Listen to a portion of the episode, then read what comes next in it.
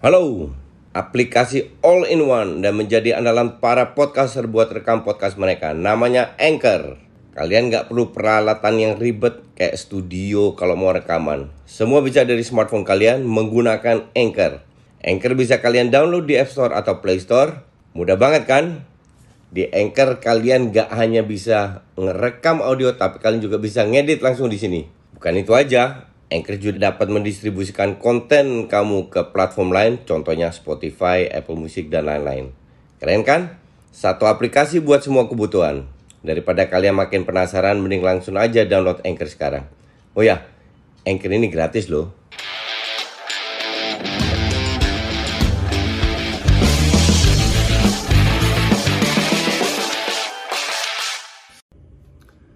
Selamat sore, salam Just Talk. Hari ini nggak ada pertandingan, nggak ada preview. Itu baru besok, baru gue bikin untuk semifinal.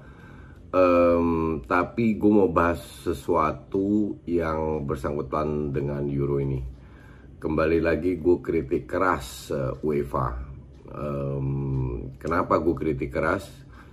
Karena gue kan sudah lama puluhan tahun mengikuti Piala Eropa. Jadi gue tahu zaman berapa 8 tim atau sampai sekarang 24 tim. Jadi gini, um, seperti kalian yang mengikuti gue, gue salah satu sedikit orang di Indonesia yang selalu mengkritik UEFA dan FIFA. Oke, okay? pasti ada dasarnya dasarnya adalah gue tidak merasa bahwa organisasi ini um, tujuannya adalah untuk mengangkat sepak bola di Eropa. Itu untuk UEFA dan FIFA untuk di dunia. Yang gue lihat adalah mereka ini apa ya um, berusaha segala mungkin dengan beberapa ketua termasuk yang sekarang. Sekarang ketuanya parah banget kalau gue bilang Severin ini um, tujuannya adalah murni membuat sepak mencari duit sebanyak mungkin buat sepak bola. Nah, kalau organisasi cari duit itu wajar itu terjadi seluruh dunia. Tapi kalau organisasi di mana ketuanya menaikkan gajinya sendiri dengan 14 persen, salah 15, at least menaikkan gajinya sendiri, terus uh, staff-staff yang lain dipotong karena pandemi ini, untuk gue udah nggak nggak make sense. Tapi gue nggak heran. Dan kedua uh, kita lihat reaksinya ketua UEFA ini pada saat ISL dibentuk. Uh, itu reaksinya juga sangat emosional sangat tidak profesional dan kelihatan kebakaran jenggot. Lu kalau mau jadi ketua sebuah organisasi internasional lu harus cool mau kritik bebas tapi dia udah membawa pribadi mengkritik ketuanya Juve. Dan uh, kelihatan banget pansos beruntung ketuanya Juve ini kan uh, dari keluarga super kaya raya yang dari kecil sudah kaya raya. Jadi teriak-teriakan emosional yang dilakukan oleh ketua UEFA ini diabaikan nggak dikasih panggung. Kenapa gue sekarang bahas UEFA? Karena ada kaitannya dengan Euro Euro ini dibikin setelah ini untuk kedua kalinya pertama kali 2016 itu dibikin 24 tim. 24 tim artinya lebih banyak pertandingan dan artinya juga uh, lebih banyak income buat mereka. Sponsor lebih lama dipantau TV lebih banyak disiarin lebih banyak income. Oke? Okay? nah yang jadi masalah kan sekarang um, untuk pemain sendiri, untuk penonton itu apa? Mungkin kalian nggak tahu dan gue yakin banyak yang nggak tahu. Anggota UEFA itu berapa? Itu hanya 55 negara. 55 Football Association. Oke. Okay? Dan mereka meeting, meeting, meeting mengambil keputusan. Kalau lu dari 55 ini, negara kecilnya kan mayoritas kalau dari 16 tim sebelumnya dinaikin ke 24 tim berdasarkan demokrasi, apa yang dilakukan? Negara kecil, oh ya kita mau dong, peluang kita minimal besar ikut. dan mereka tahu bahwa negara kecil akan melakukan voting dengan uh, apa namanya mendukung keputusan ini. Sekarang gue tanya, uh, ada nggak turnamen elit yang dilakukan empat tahun sekali? Itu pesertanya 45% dari sekitar itulah dari dari jumlah uh, total anggota. Kan nggak nggak make sense. Apalagi ini empat tahun sekali pesertanya itu ya harus yang elit-elit aja. Sebelumnya itu kan ada 16 tim. 16 tim itu 8 negara kuat 8 underdog underdog dengan negara kuat bedanya tipis. Negara kuat itu siapa? Uh, Inggris Belanda Belgia Jerman Perancis Portugal Spanyol Itali. Menurut gue sekarang ya negara underdog itu siapa? Underdog itu kayak Hungaria Swiss uh, Austria um, you, you name it lah hmm, gue nggak tahu. Denmark. Siapa lagi yang yang ada di stand ini? Gue sambil lihat uh, ya Ceko. Slovakia mungkin. Swedia. Tapi kan bukan negara kayak kayak Macedonia, kayak Scotland, kayak kayak apa namanya uh, Finland. Itu kan Turki, nggak layak masuk kalau menurut gue ya. Gue mau ngenalin kalian aplikasi rekaman andalan gue, Anchor. Jadi Anchor ini aplikasi yang lengkap buat para podcaster. Kita bisa ngerekam, ngedit, tambah musik, efek, bahkan sampai upload ke platform lainnya. Semua bisa dari Anchor. Nah, aplikasi Anchor ini bisa kalian download di App Store atau Play Store dan juga di website di www.anchor.fm. One app that your podcast needs.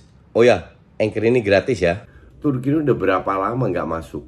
Sepak bola emang keteteran, ancur-ancuran. Final lagi. Sekarang kalau kita lihat um, apa namanya pembagian grup ada nggak yang berpikir kenapa tiga negara besar Jerman, Prancis, Portugal itu tiga-tiganya gugur di 18 di 16 besar. Oke. Okay? Gue pun ikut ngebully. Tapi kita lihat lihat faktanya aja sekarang. Kenapa? Karena peaknya itu sudah terjadi di grup stage Jerman ketemu Prancis, ketemu Portugal, itu mereka membelikan skala peaknya itu udah diberikan. Sehingga pada saat ketemu ke sistem gugur, udah drop, udah habis. Apakah ini tujuan turnamen seperti ini? Tujuan turnamen ini kan lebih fair. Empat negara, empat tim yang lolos, nomor satu dan nomor dua. Nggak pakai best three, best three lagi Denmark itu bisa runner up dengan only 3 poin.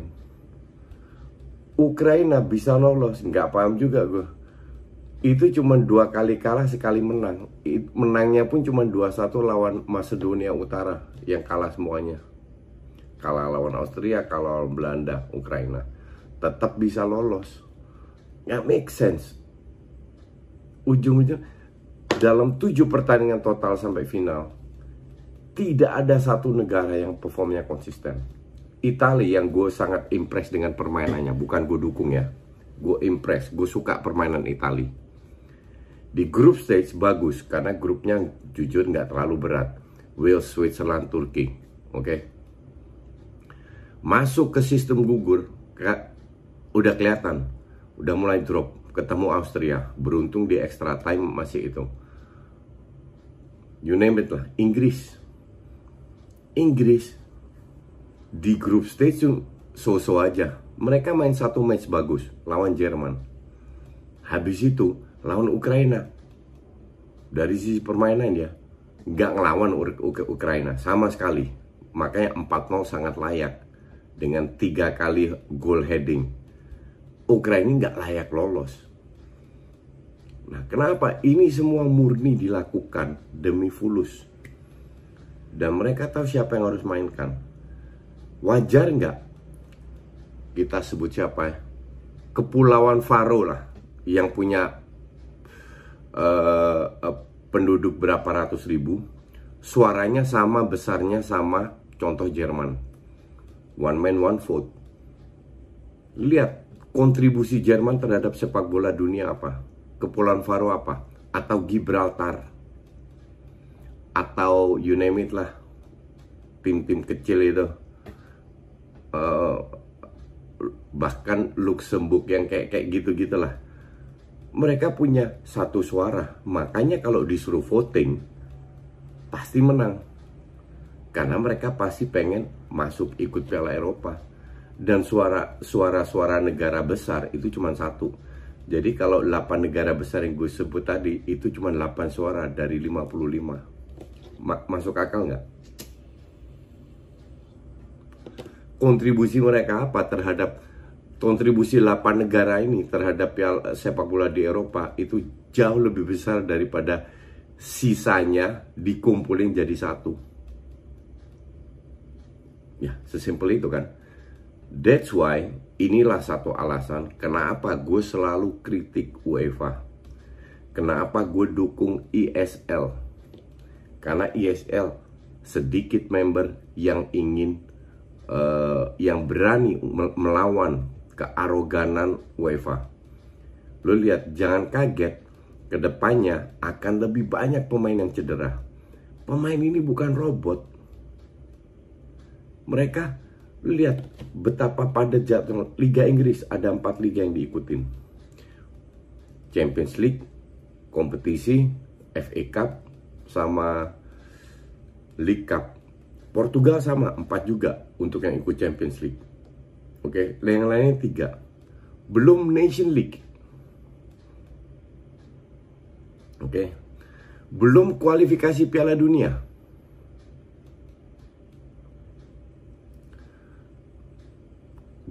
Gimana seorang pemain bisa bermain konsisten? Impossible. Ujung-ujungnya cedera. Di samping itu, pemain ini kan bukan robot. Lu kalau bermain 20 kali atau 10 kali, intensitasnya kualitas permainan itu akan lebih bagus di 10 kali daripada 20 kali. Di 10 kali lu masih ada istirahat. Bisa dibagi. Kalau 20 kali dalam waktu yang dekat, itu udah nggak bisa dibagi lagi. You have to fight, you have to perform. Ujung-ujungnya kualitas pertandingan akan menurun. Siapa yang kok siapa, siapa yang protes? Pemain yang protes. Kalau nggak salah Tony Kroos pernah bilang ada beberapa cuma segelintir pemain. Mereka protes. Mereka nggak peduli juga duit gaji gue gede. Kalau gue cedera, fine fine aja, nggak ada masalah. Yang terjadi adalah kualitas permainan itu menurun. That's the fact, like it or not. Lu lihat di negara, di klub, kualitasnya ngedrop semua. Dia demi ini. Bukan maksud gue bukan bukan sepak bola di Eropa itu jadi elit 16 tim. Tapi kalau anggota lu 55, 16 tim gue rasa fair.